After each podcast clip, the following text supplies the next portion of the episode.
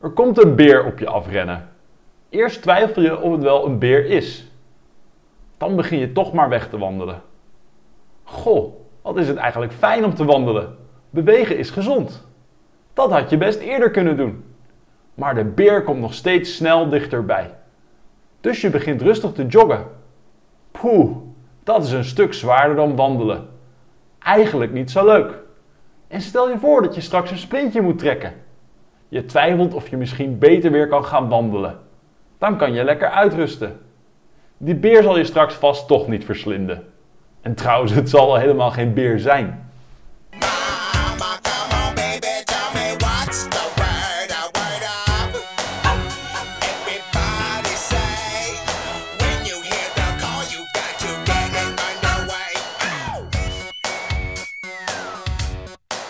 Welkom bij de Verwoorde Onschuld. Ik zit hier weer met Jamie. Hallo Jamie. Oh, jij weet? En eh, het woord van deze week van het Instituut voor de Nederlandse Taal is groenflatie. Eh, oftewel inflatie veroorzaakt door eh, groen beleid, de energietransitie. We hebben de laatste tijd natuurlijk best wel wat inflatie. Die zit weer helemaal in de lift. En ehm, ja, het idee van groenflatie is dat dat grotendeels komt door de energietransitie. Jamie, hoe kijk Ja. jij hier tegenaan? Ik had dus ehm, eigenlijk, ik heb een beetje een, lichte, lichte vorm van kritiek op het Instituut voor de Nederlandse Taal. Oeh. Eh, ik heb namelijk een beetje gegoogeld naar het woord groenflatie. Mhm. En ik vind eigenlijk dat ze het wel een klein beetje beter moeten screenen welke woorden ze gebruiken. Eh, ze geven aan in ehm, het artikel dat eh, het vooral klimaatskeptici zijn die nu met het woord aan de haal zijn gegaan. Eh, maar ik vind het wel een beetje apart dat je bijvoorbeeld wel linkt naar climategate.nl. Maar als je dan een beetje er doorheen scrolt, Mm. dan zie je ook allemaal ja, een beetje, een beetje complottheorieën ehm, gemengd met, met echte kritiek. Ja, dus dit woord raakt een beetje aan de klimaatskeptici eh, cultuur. Klimaatwappies, hoe ze Ja, een beetje heel erg. Ja. Ik kan ook aan de luisteraars niet, niet ehm, aanraden om naar climategate.nl te gaan. het is ook een heel slecht geformate site trouwens. Oeh, komt ja, er ook nog bij. ja. Maar ehm, kijk, zelfs een stilstaande klok geeft twee maal per dag de juiste tijd aan. Eh, op zich hebben ze wel een punt, toch? Er is nu grote inflatie en dat komt ook wel deels door de energietransitie. Daar kun je wel wat tegen zeggen eigenlijk. Van, ehm, ze hebben er ook een, een artikel bij gepost van Bloomberg. Daarmee is een beetje het balletje gaan rollen. Mhm. En dat artikel van Bloomberg dat is eh, gebaseerd op iets wat ehm, een medewerker van de ECB heeft gezegd. Mhm. Dus die heeft gesproken over groenflatie. En vervolgens is daar een, een eh, verhaal uitgekomen. Eh, maar je kunt ook stellen van ja, weet je, je hebt gewoon ontzettend veel speculatie nu op de markt aan zich. En je ziet ook best wel veel speculatie ehm, als het gaat om bijvoorbeeld gasprijzen. En dus je ziet daarvan, ja, om, om het dan meteen eh, te omschrijven als, als iets als inflatie die komt door de energietransitie. Dus jij denkt dat er ook bubbelvorming is rondom Ik, op het moment denk ik het wel, ja. ja. Hmm, Oké. En dan ben je dus ook hoopvol dat die groenflatie of inflatie snel weer zal afnemen? Ehm, niet snel. Want zo'n bubbel kan wel vrij lang blijven bestaan natuurlijk. Ja, met een hele lage rente en met eh, de markt zoals die nu is, dan Ja, en met twijfel ik eh, erover. oorlog. Maar ja, op het langdurige effect eh, van de energietransitie, ja, dat vind ik een beetje moeilijk om dat... eh, Nou ja, Ja. ik denk dus uiteindelijk... Nou, eh, de, de laatste tijd hoor je vrij veel natuurlijk over inflatie. Ehm, ik, ik luisterde een podcast, Studio Tegengif, die ik overigens warm kan aanbevelen. En daar Mhm. ehm, werd ook het onderscheid gemaakt tussen vraaggestuurde en aanbodgestuurde inflatie. En ik denk dat we dat wel even ehm, kort moeten toelichten. Even in een simpel rekenvoorbeeld. Eh, Stel dat je ehm, een bakker hebt die 100 broden per dag bakt. Ja. En eh 100 mensen die allemaal een euro per dag verdienen. Eh, en die kopen dus elke dag een brood. mhm. Nou, prima. Ehm vraaggestuurde inflatie, eh, dat wordt veroorzaakt doordat er meer geld in de economie is. Dus als bijvoorbeeld de werkgever van die Ja. 100 man zegt van... jongens, ik ga jullie vanaf nu 2 euro betalen. En die Mhm. bakker die denkt van, oh, nou, top, dan ga ik ook 2 euro voor mijn broden eh, vragen. Of misschien moet die bakker zijn, eh, zijn werknemers ook wel meer gaan betalen of zo. Of wat voor reden er ook achter kan zitten. Of, of wat misschien nu in deze tijd ook wel relevant is, is dat het gewoon makkelijker voor die ehm, eh, 100 mensen is om geld om 2 euro te lenen om Ja, ja, ja, broden te kopen. In de Nou verwachting ja, dat kijk, dan heb, je dus, gaan. dan heb je een inflatie van 100%, want Ja. de broden zijn twee keer zo duur geworden. Maar reëel gezien is er in feite niks veranderd. Mhm. De mensen kunnen nog steeds allemaal precies één brood per dag kopen. Ja. Ehm, financieel verandert er overigens wel wat. Hè? Dus als je bijvoorbeeld vermogen had, dan is het ineens nog maar half zoveel waard. Of, of een schuld, dan is die ook eh, reëel gezien afgenomen. Dus op de financiële markten is, heeft dit echt wel impact. Maar ja, reëel gezien is er niks aan, de, aan het vraag en aanbod veranderd. Ehm, de tegenhanger hiervan is aanbodgestuurde inflatie. En dat is, kijk, je moet bedenken, geld ehm, vertegenwoordigt natuurlijk een zekere waarde. Ehm, en geld kan, eh, Ja. ja. de hoeveelheid geld kan toenemen, maar de hoeveelheid waarde in een economie kan ook toe of afnemen. Dus hè, stel Poetin komt langs bij de bakker en die stampt 50 van die broden kapot. Dan, dan zijn er nog maar niet 50 heel on- broden. onrealistisch. ook. Nou ja, het voorbeeld is niet helemaal uit de lucht gegeven. Eh, dan zijn er nog maar 50 broden. En eh, dan zal waarschijnlijk de prijs van het brood ook gaan toenemen naar bijvoorbeeld 2 euro. Want die bakker die denkt, ja, ik wil nog steeds wel 100 euro verdienen. Mm. Maar dan heeft het tot gevolg dat. Kijk, dat kun je ook niet helemaal compenseren als overheid. Eh, in dat eerste geval zou je, zou je kunnen zeggen van, nou ja, er zijn nog steeds 100 broden beschikbaar en we gaan het gewoon zo verdelen dat iedereen een brood krijgt. Maar in het tweede geval Ja. zijn er ook echt minder broden. En ja, je kunt dan de minima gaan ontzien bijvoorbeeld, maar er moeten altijd keuzes gemaakt worden van, ja, wie krijgt er uiteindelijk minder brood? Dus dan moet je of gaan ransoneren of, of wat dan ook. En ik denk dat dat wel belangrijk is om dat, Mhm. om dat onderscheid te maken. En ik denk dat als het om de energietransitie gaat, ehm, dan wordt er wel echt een soort hap genomen uit de reële economie. Want als je bijvoorbeeld zegt, we gaan alle kolencentrales eh, sluiten. Ja. Ehm, kijk, ik denk op zich dat dat wel een goed idee is hoor. Want eh, ja, de, de negatieve gevolgen van, van kolen zijn uiteindelijk echt gigantisch. Ja. Maar wat vaak een beetje vergeten wordt in zeg maar, onze linkse groene eh woke-kringen... eh, is hoe ontzettend fijn kolen, gas en olie eigenlijk zijn. Hè, ondanks, het makkelijk zou ook zijn. nou ja, hoe makkelijk, ja, Ja. en, Ja. en eh, hoeveel energie dat oplevert. Hè? Want, Ja. want wind en zon, kijk, dat is natuurlijk fantastisch. ehm, dat het niet zulke nadelige gevolgen heeft. En daar moeten we ook zeker naartoe. Maar als je kijkt hoeveel energie je bijvoorbeeld uit kolen of uit gas kunt halen, dat, dat is gewoon heel fijn. En als je dan met z'n allen afspreekt van dat gaan we niet meer doen.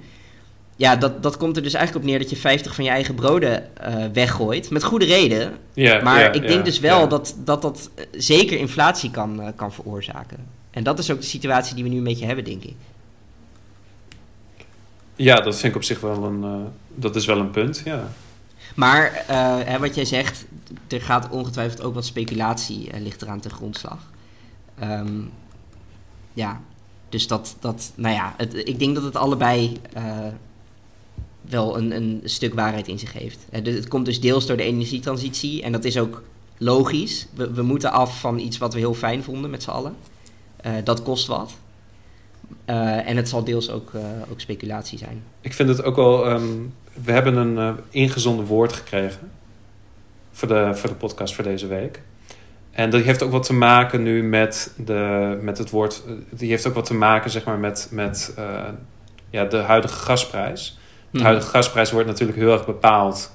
door één grote speler in de, in de Europese markt. En dat is Rusland. Ja, Eh, en dit woord heet dan ook eh poetinflatie. Poetinflatie.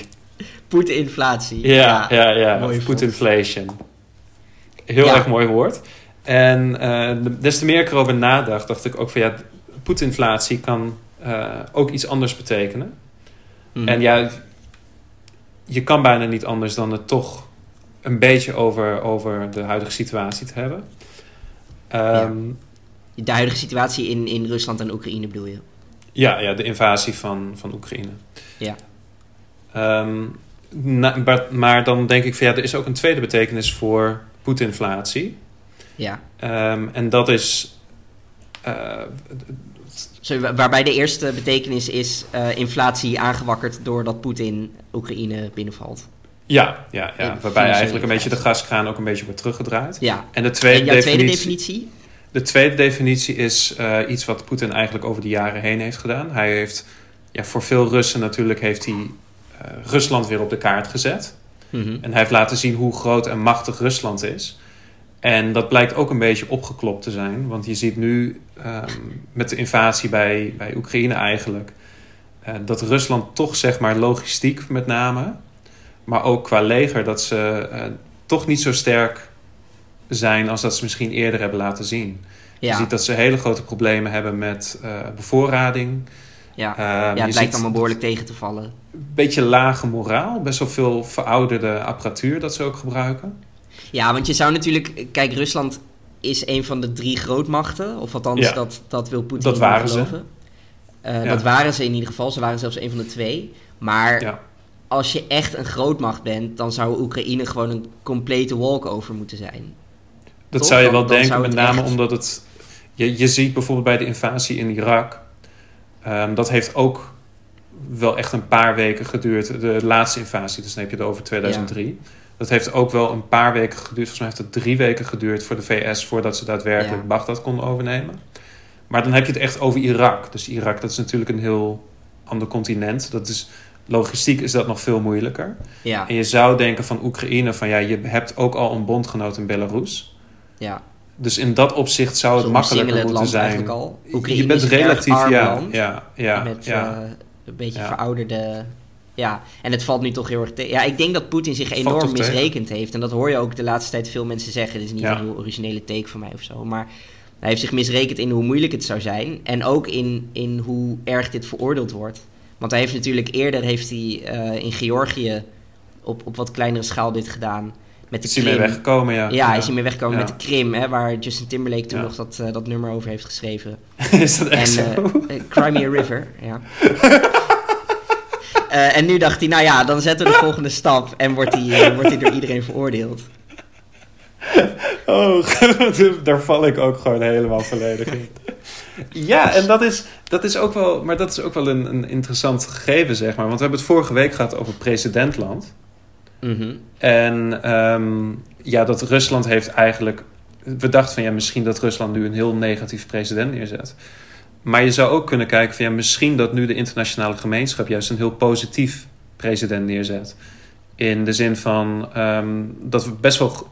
Er is best wel zeg maar ehm, gemeenschappelijk besloten van oh wacht, wat hier gebeurt, dat is puur annexatie. Dat moet Ja. volledig veroordeeld worden. En er komen gewoon heftige economische sancties. En in sommige opzichten ook een beetje een nucleaire optie, eh, financieel gezien. En als dat een president wordt, van iedere keer dat een land een ander land ehm, probeert te annexeren, dat je zo'n zo'n heftige terug, eh, terugslag krijgt van de internationale gemeenschap. Dat zou een Ja. heel goed Nou ja, afschrikkelijk daarom effect kunnen hebben. heeft China hier natuurlijk niet aan willen deelnemen. Want die denken van ja, het is best wel fijn als je als grootmacht af en toe even iemand kunt annexeren. Dus Ja, dit, eh, dit gaan we niet echt veroordelen. Mm. Maar China heeft, China heeft best wel veel respect trouwens voor, voor soevereiniteit als het gaat om ehm, wat zij Ja, beschouwen waar, als daadwerkelijk eh, autonome landen. Maar ja, niet, niet als het gaat om, om Taiwan of Om afvallige of provincies. Ja, afvallige provincies. Nou ja, en in Tibet, ja oké, dat is al een tijdje geleden natuurlijk. Maar... Ja, ja, ja. ja. Hey, maar hoe wel- denk je dat dit af gaat lopen dan? Want eh, Ehm, Poetin die heeft volgens mij gewoon keihard zijn hand overspeeld. Maar ja, die kan nou, nu maar niet ik, meer ik denk wel dat het, Poetin gaat het uiteindelijk, eh, het, een beetje, het ligt eraan wie de langste adem heeft. Ehm, uiteindelijk is, is de legermacht van Poetin is gewoon te sterk voor Oekraïne. Ja, Ehm, dus dat Kiev valt is wel een heel grote waarschijnlijkheid. mhm. Ehm, vervolgens voor Poetin om het land Oekraïne ehm, ja, om, dat, om dat vast te houden, dat gaat gewoon ongelooflijk moeilijk worden. En dat heb je ook wel gezien zeg maar, qua weerstand van de bevolking. ja. Mocht mocht Rusland daadwerkelijk eh, zo lang willen volhouden.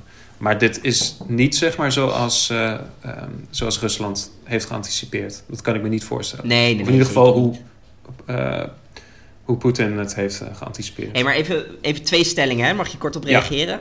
Ja, Eén, Poetin zit er over een jaar nog in het Kremlin.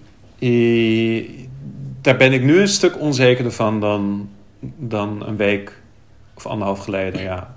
Ja, ik denk eigenlijk dat hij Ja. afgezet gaat worden.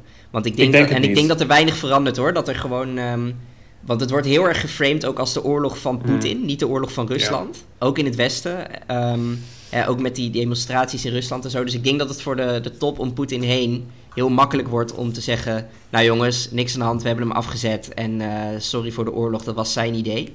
Ja. Dat is eigenlijk de, de makkelijkste manier waarop ze terug kunnen. Ehm, Ja, het is Ja. wel een ding van ehm, je weet niet in hoeverre. ehm, je weet niet hoe, hoe sterk Poetin is binnen, binnen zijn, zijn kabinet, zeg maar, binnen zijn regering. nou ja, als op Dat een is- gegeven moment dat is- iedereen het met je oneens wordt... Dan, Ja, dan maakt het op zich niet heel veel uit. Nee. Maar hij zit best wel ook. Hij zit letterlijk gebunkerd ook. Dus dat speelt natuurlijk Ja. ook wel een rol. Ja, ja. Ja, maar een dictator heeft altijd wel de mensen direct om hem heen nodig. En als je daar te veel van kwijtraakt, dan, eh, dan is het gewoon afgelopen. Ja. Oké, en stelling 2. binnen twee jaar zit, eh, is de gaskraan in Groningen weer eh, volledig open. Op zijn oude niveau. Ik zou niet zeggen volledig open, maar eh, het zou me ook niet verbazen als die net wat meer open gaat. Ja, Die, dat denk ik eigenlijk meer dan dat Poetin wordt afgezet. oké. oké. Nou, eh, Ja. Nou, we kunnen erop wedden. Ja. En denk je dat, eh, dat Duitsland de kerncentrales weer aan gaat slingeren? Nog even een derde bonusstelling. Mm, dat is een hele, hele lastige. Dat, dat is voor mij Want is dat eh 50-50. Eigenlijk is dat, als je daar nu naar kijkt, is dat gewoon Hmm. een historische blunder geweest.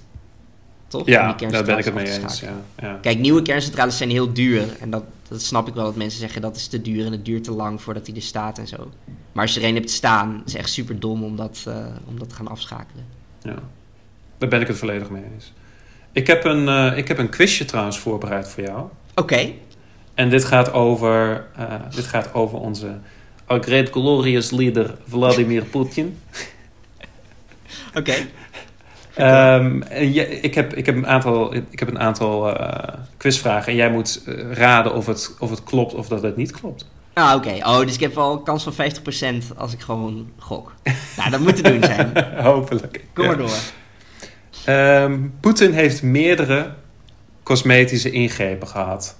Dus botox en eyelifts bijvoorbeeld. Oeh, meerdere Ja. ook. Meer dan één. Meerdere, meerdere cosmetische ingrepen heeft hij gehad. Ehm, ik denk het niet, nee. Het is ongeveer de consensus dat het waarschijnlijk wel het geval is. Oh, ja, want de reden dat ik dacht van niet Ja. is dat als dit zo is, dan is het waarschijnlijk niet zeker. Want ik- Poetin lijkt me niet iemand die daar heel erg eh, mee te koop loopt. Mhm. En ja, ja, oké. het, het, is, Maar- het is vrijwel zeker dat hij eh, cosmetische ingrepen heeft gehad. Oké, oké. Ja. Ehm, tweede vraag. Ja. Poetin spreekt vloeiend Duits. Oeh, ehm, ik, ik denk het wel. Want ik weet dat Poetin sowieso heel Ja. erg eh, een soort van eh gasexpert is. En daar ook, ook best wel door Europa voor heeft eh, gereisd en gestudeerd en zo. Mm. Eh, ja, ik denk dat Poetin eh, goed Duits spreekt. Dat klopt, ja. Hij, heeft, eh, hij is ook gestationeerd geweest in Oost-Duitsland. Ah, oké. ja. Ja. Ehm, Poetin heeft een zwarte band in zowel judo als taekwondo. En de laatste is inmiddels ingetrokken. Ehm, ja, hier staat me wel iets van bij. Ja. Het- kijk, die zwarte band komt me bekend voor, maar als je nu had gezegd karate, dan had ik het ook geloofd. Maar ik, ik, volgens mij klopt dit. Ja, Eh, dit klopt, ja. yes, oké, oké. Ehm, Dmitri Medvedev, dus de premier, heeft eh Ludmila eh, Poetin, dus de ex van Poetin, geïnformeerd dat Poetin een scheiding wou. Deze moet ik even afpellen hoor. Dus Poetin wilde een scheiding en die heeft toen tegen zijn, als een soort van middelbare scholier, heeft hij tegen zijn prime minister gezegd: Jij moet het voor mij uitmaken. Ja, Ehm, ja, het zou me niks verbazen, maar dit kan er natuurlijk ook een zijn die jij gewoon bedacht hebt. Ehm, Oké, ik, ik gok dat die wel klopt. Nee, nee, ik heb Ah, volledig verzonnen. Eh, er is niet heel veel bekend over hoe. eh, alleen dat ze al langer uit elkaar waren. Ja. En er zijn geruchten dat hij een eh, affaire had. Oké, nou, leuk bedacht wel. Ehm, Poetin is even lang als Prince. Of was even lang als Prince. Prince is natuurlijk niet meer. Nou ja, ja. Eh Prins is best klein, toch? Ja, ja. En Poetin Dus- dus ook. De claim is dat Poetin gewoon heel klein is. Eh, Ehm. moet, moet ik vertellen hoe klein Prince was? Ja, dat is misschien voor een cultuurbarbaar als ik... eh, geeft het meer informatie dan, dan wat ik nu heb. Prince was, was naar verluid was hij 1,58 meter. Wow, dat is wel heel klein. Ja, ja, ja. Ja, en dat, dat komt uit mijn mond. Dus kun je nagaan. Ehm, nee, ik denk dat Poetin... Poetin is volgens mij wel klein, maar ik denk niet zo klein. Dus ik, eh, ik denk van niet. Ehm, ja, Poetin die is waarschijnlijk... eh, het, het wordt geschat tussen de 1,62 en de 1,70. Er wordt geschat. Is dat Ja, het is niet 100% zeker, omdat Poetin die draagt, net als Prince, draagt hij eh, heel vaak hakken. En inlegzooltjes. Ja, Ja, dat is logisch. ja. Dat is ook een van de redenen dat... dat wordt ook gespeculeerd dat, dat Medvedev dat hij eh, ook is aangesteld als premier. Mhm. Omdat Medvedev nog net iets kleiner is dan Poetin. Ah, oké. Ja. Ja, Ja. maar ik, ik snap... Ja, weet je... Poetin, als je luistert... I know the struggle, man. Het is, eh, het is niet makkelijk, hoor. Het leven ja, je bent nog wel een stuk groter dan Poetin. Ja, dat is waar. Ja. Ehm, Hoeveel hebben we er nog?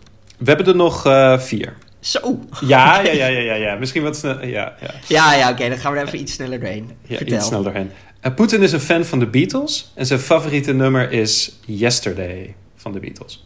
Geen idee, man. Nee, dat denk ik niet. Nee. Ja, is wel waar. Ah, is wel waar. Shit. Hou je de score bij, trouwens?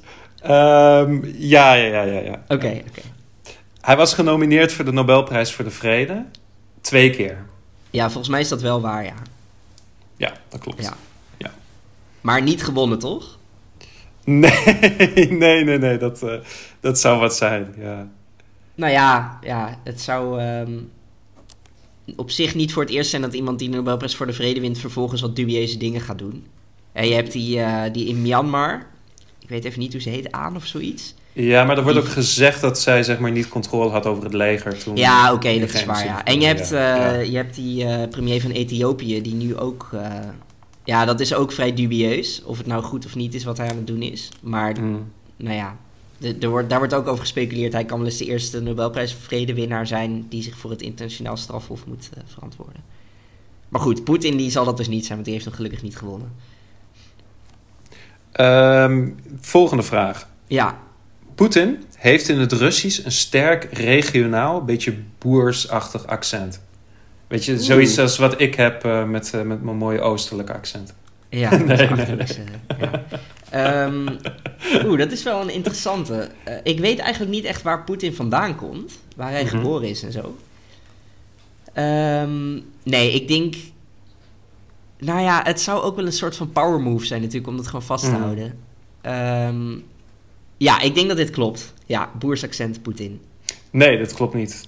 Ah, Poetin komt uit Sint-Petersburg. Sint-Petersburg accent, dat is nog net iets correcter eh, Russisch Ja. dan het Moskou accent. Een beetje het Haarlems van, eh, van Rusland.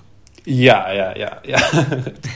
Het lijkt ook wel op Haarlem trouwens, Sint-Petersburg. Het is ook gebaseerd op, op de Dat Amsterdamse is waar, ja. Die Russische ja. steden zijn Ja. heel erg... eh, ja, ja. Oké. Laatste. Ehm, de, de dictator, of ja, als we Poetin een dictator mogen noemen, die dat wel had, was dat Stalin. Stalin kwam uit Georgië en had een heel dik Georgisch accent. Oh, oh grappig. Kon je niet tegen hem zeggen. Nee, je Ehm, kunt sowieso beter niet al te veel tegen Stalin zeggen. ja, nu maakt het niet meer uit. maar- Hij heeft een Nederlandse schoonzoon en zijn dochter woont, tussen haakjes, in eh, Nederland. Ja, ja, dit klopt, ja. Deze Ja. heb ik wel eens van gehoord. Ja, dat Ja. klopt. Ja, dat lijkt me Jorrit. Vase heet zijn schoonzoon. Ja, dat is wel heftig Ja. als Poetin je, je schoonvader is. Oké, hoeveel punten heb heavy. Ik, had, Eh, ik je heb hebt er dat- vier van de negen, dus als je alles gegokt had, ja, dan... dan... Oh jee. Ja, ik ga wel echt pijnlijk nat hier dan. Het is wel nou, slecht. ja, ik ja, hoop dat de luisteraars hebben meegedaan en dat ze eh, in ieder geval meer dan vier hebben. Want ja, nou ja. oké, oké. Nou, leuke quiz, eh, Jamie. En ik heb ook nog, ja, het, het een beetje groenflatie. Ik vind het ehm, een beetje een, een woord dat eigenlijk net niet is. Maar toen heb ik ook nagedacht over van, ja, welke, welke andere kleuren van inflatie kunnen we hebben? Andere kleuren van inflatie? Andere kleuren van inflatie. Vertel. Dit is door een eh, hele goede vriend van mij, eh, is dit geopperd. Oké. Ehm, maar je bijvoorbeeld paarsflatie. Want we hebben het... de vorige podcast hebben we het gehad over, eh, over paars en de nalatenschap van paars. Ja. Maar als je dat Kabinet. opklopt, ja, als je dat opklopt, dan doe je dus eigenlijk aan paarsflatie. Ah, dus paarsflatie is Ja. eigenlijk wat ik aan het doen was vorige keer. Dat is wat jij aan het doen was. Ja, helemaal eh, paars ophemelen Helemaal van, paarsflatie. van hoe goed het toen was. Ja. Ehm oranjeflatie. Dat kun je misschien wel raden. Eh, eh, is dat de, de oranje? Dat is, eh, nou ja... eh, ehm, eh, heb jij deze termen bedacht of heb je ze ik, opgezocht? ik heb deze termen bedacht, ja. Ah, Ja, oké. Dus stuk ik, ik stuk, kan ja. ook, nou ja, mijn definitie zou zijn dat het zeg maar bij de oranje koorts op een EK of een WK is. Dat we weer Oh. denken van, we gaan echt winnen Ja. en we zijn vet goed. Oh, die dat vind ik heel erg is. leuk. Die vind ik echt heel erg leuk. Wat, wat had Ehm, jij bedacht erbij? Nee, ik heb natuurlijk, je, je weet, je weet hoe ik denk over het Koninklijk Huis. Dus ik had voor oranjeflatie. Niet eh, had ik dus- toch? Had ik dus bedacht van dat de geschiedenis van de Oranjes, dat die eigenlijk ehm, een beetje wordt opgeklopt. Dus Oh ja. bijvoorbeeld, ze zijn eh, tijdens de Tweede Wereldoorlog naar eh, het Verenigd Koninkrijk gegaan. En dat hebben ze gezegd van ja, dat is, dat is om, het, om de bevolking beter te kunnen steunen. Dat is Ja. Dat is natuurlijk niet, dat, is, dat slaat natuurlijk nergens om. Dat is een beetje als Poetin die, die zegt van ja, dat hij beter eh, eh, Oekraïne kan besturen vanuit Rusland. Ja. Daar komt Ja. het eigenlijk op neer. Ehm, Ik weet niet of ik en- deze vergelijking helemaal terecht maar... En ehm, eh, in, ne- in- het, het Wilhelmus is bijvoorbeeld... pas in 1932 is dat het volkslied geworden van Nederland. Ja, Dus daarvoor... ehm, ehm, dus dat is eigenlijk een vrij recente geschiedenis van het Wilhelmus. is pas 90 jaar oud. ja. Dus dat is een beetje oranjeflatie. Dus dat we, Ja. dat we de, de geschiedenis van, van de oranjes een beetje opkloppen. Oké. Dan heb ik ook nog eh, roodflatie. Dat is afgelopen week gebeurd. Ja. Eh, dat is dat, ehm, dat gebeurt eigenlijk in iedere oorlog. Maar dat Oekraïne een beetje opgeklopt heeft hoeveel Russische slachtoffers er zijn. Oh, rood is hier de, Ja. de kleur van Rusland. Oké, Eh, ja. Bloed bedoel Of ik van eigenlijk. bloed. Oh, ja, oké. ja, ja, Oh, ja, ja, dat ja. maakt het... eh, ja, Dat maakt het luguberder, ja. Ja, want je zou ook, rood. rood is ook de kleur van Rusland, toch? Dus je zou ook kunnen zeggen dat Poetinflatie, Ja, klopt. eh, zoals jij hem net definieerde, een Is beetje ook roodflatie. Ja. van, Of communistische inflatie, en, ja. precies. Ja. Eh, rozeflatie. Ehm, even denken. Ja, ik, ik zou denken dat er... ehm, maar dan kom je snel een beetje in de, in de alt-right terecht. Maar dat, dat we te veel Oh. opblazen wat eh, de LHBTI-gemeenschap eh, doet en hoeveel rechten ze hebben en zo. Of, Maar daar sta hoeveel ik dus mensen ertoe achter. behoren aan. Dat kan natuurlijk ook. Wat zei je? Of hoeveel mensen er, er, eh, Ja, ja, er lid zijn van de ja, LHBTI. dus dat, dat Ja. die, die cijfers worden... Ja, precies. Ja. Nee, ik had, een, ik had een andere. Dat is namelijk dat roze producten, oftewel vrouwenproducten, dat die vaak duurder zijn dan ehm, mannelijk, Ah, ja. vaker blauwe producten. Dus je hebt bijvoorbeeld scheermesjes. Als ze blauw zijn, zijn ze goedkoper dan als Ja. ze roze zijn. dat het een vaak hetzelfde definitie. scheermesje is. Ja, Ja. Zullen, we, zullen we door naar de limericks, Jamie? ja is goed. Ehm, ik heb een... eh, even kijken hoor, waar ik hem heb. Eh limerick over groenflatie. Mhm. In Kiev zag Poetin een nazi. De oplossing, hup, annexatie. Oké, Oh. balen, maar ook hier is het zwaar, want wij zitten nu met groenflatie. Netjes. Dank je. Eh, heb jij ook nog een limerick, Jamie? Ik heb ook nog een limerick. Eh, dat is door een eh, trouwe luisteraar, Rianne, is dat doorgestuurd. Ah, oké. Dus dankjewel, Rianne. Ja. Het is een hele mooie limerick, moet ik ook zeggen. Ehm, een warm gestookt huis blijft begeerlijk. Ook wie minder verdient, vindt dat heerlijk. De aarde moet groen, maar hoe gaan we dat doen? Die transitie moet hoe dan ook eerlijk. Ja, is weer heel goed. Ja, dat is echt Ja. heel mooi. Ja, Ja. ja. Dus Ja, dankjewel. toch, eh, ze begint zich wel langzaam een beetje te, te ontwikkelen tot echt de MVP onder de luisteraars. Ja, dat klopt. Ja, ja, eh, ja, dit is ja. Niet, eh, niet haar eerste limerick en ze zijn ook kwalitatief wel, wel hoog. Dit dus, geeft wel... eh, ja, ja. Ga zo door, luisteraar Rianne. Ehm, ik denk dat we er zo'n beetje zijn. Ja, nog, oh ja, nog even, wat vinden we van het woord groenflatie? ja. Wat is je, je rating en waarom? Ja, ik ben zelf niet de eh, heel grote fan van groenflatie. Misschien ook wel omdat het een beetje gekaapt is door klimaatskeptici. Dat komt er sowieso bij. Maar ja, Ja. je moet het natuurlijk alleen op het woord zelf af, ehm, eh, Mhm. afrekenen. Maar dan vind ik Nou groenflatie... ja, je moet helemaal niks. Het is onze podcast, Ja. je mag gewoon eh, meewegen wat je wilt. Ik vind groenflatie niet zo goed klinken als greenflation. Nee, want daar komt het vandaan natuurlijk. Daar komt het vandaan term. natuurlijk, ja. Ja, dat klinkt beter. En groenflatie voelt... Het is een beetje een makkelijk woord ook. En het is ook van dat ik denk van ja, je, eh, ik, ik, ik vind het zelf mooier klinken, zeg maar, groenflatie bij het idee van over we maken dingen groen die eigenlijk niet groen zijn. Ja, dan dat je het echt hebt zeggen over van nee, het gaat over van, van ehm, het economische effect van omdat we overgaan, op, omdat we een energietransitie hebben, dus dat daardoor de energieprijzen omhoog gaan. Ja, Ja, vind ik een beetje zwak, eh, zwak gekozen. Dus ehm, ik geef dit anderhalve Poetin en, en één Medvedev. Ik vind het een beetje een zwak woord. nou, bij elkaar dan toch 2,5. Nee, nee, want Medvedev is nog net iets kleiner dan Poetin natuurlijk.